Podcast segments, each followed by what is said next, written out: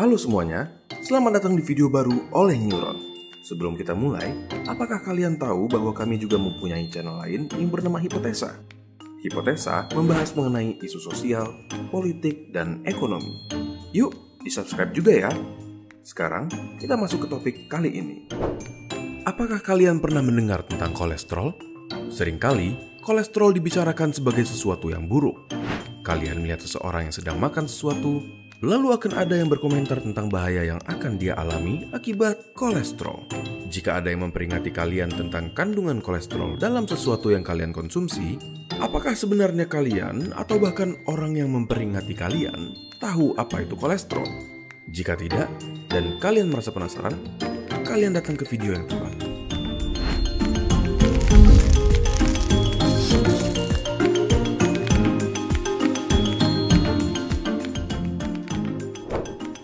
Coba kita mulai dengan membahas apa sebenarnya yang dimaksud dengan kolesterol.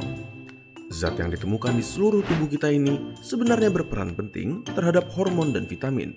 Seperti kita membutuhkan kolesterol untuk menghasilkan vitamin D dari sinar matahari. Namun, jika terkumpul terlalu banyak, akan berbahaya bagi kesehatan kita. Bagaimana bisa terlalu banyak? Karena selain dihasilkan sendiri oleh tubuh kita, kolesterol juga dapat ditemukan di makanan seperti kuning telur, keju, dan lain-lainnya.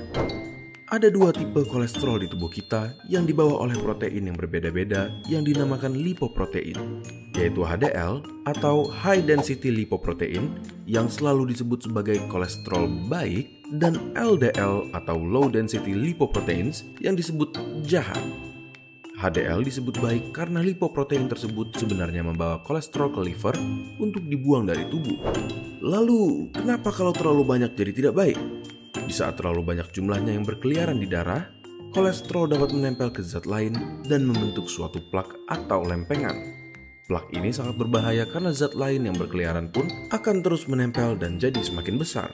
Saat plak ini menempel ke dinding di arteri misalnya, terutama arteri yang penting seperti arteri koroner maupun arteri di otak, aliran darah akan terganggu, begitupun dengan oksigen yang menuju ke organ-organ vital seperti jantung dan otak. Lalu, apa yang akan kalian alami? Nyeri dada, serangan jantung, atau bahkan stroke. Cukup buruk bukan? Terkumpulnya kolesterol bukan hanya melalui makanan, namun bisa melalui kurangnya berolahraga, merokok, dan berbagai macam kondisi maupun kebiasaan lainnya. Lalu, bagaimana kita bisa menghindarinya? Dengan berolahraga, mengatur pola makan dengan memakan buah dan sayur, serta mengurangi makanan berlemak, dan mencoba mengurangi rokok jika kalian merokok. Akan lebih baik lagi jika kalian rutin memeriksa lipid profile kalian dengan melakukan pemeriksaan darah di laboratorium rumah sakit. Sebagai patokan, ini adalah nilai-nilai normal dari kolesterol. Kalian bisa catat sebagai referensi di saat kalian benar-benar pergi ke rumah sakit untuk memeriksa.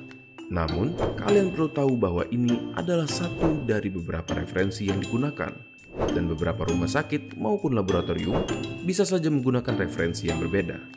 Bagaimana? Apakah kalian akan mulai menjaga tubuh kalian dari sisi berbahayanya kolesterol? Bagikan video ini ke teman kalian agar mereka juga dapat berhati-hati. Jangan lupa subscribe untuk mendukung keberlangsungan channel ini. Jika ada topik yang kalian ingin kami bahas, kalian bisa tulis di kolom komentar untuk kami lihat. Terima kasih dan sampai ketemu di video berikutnya.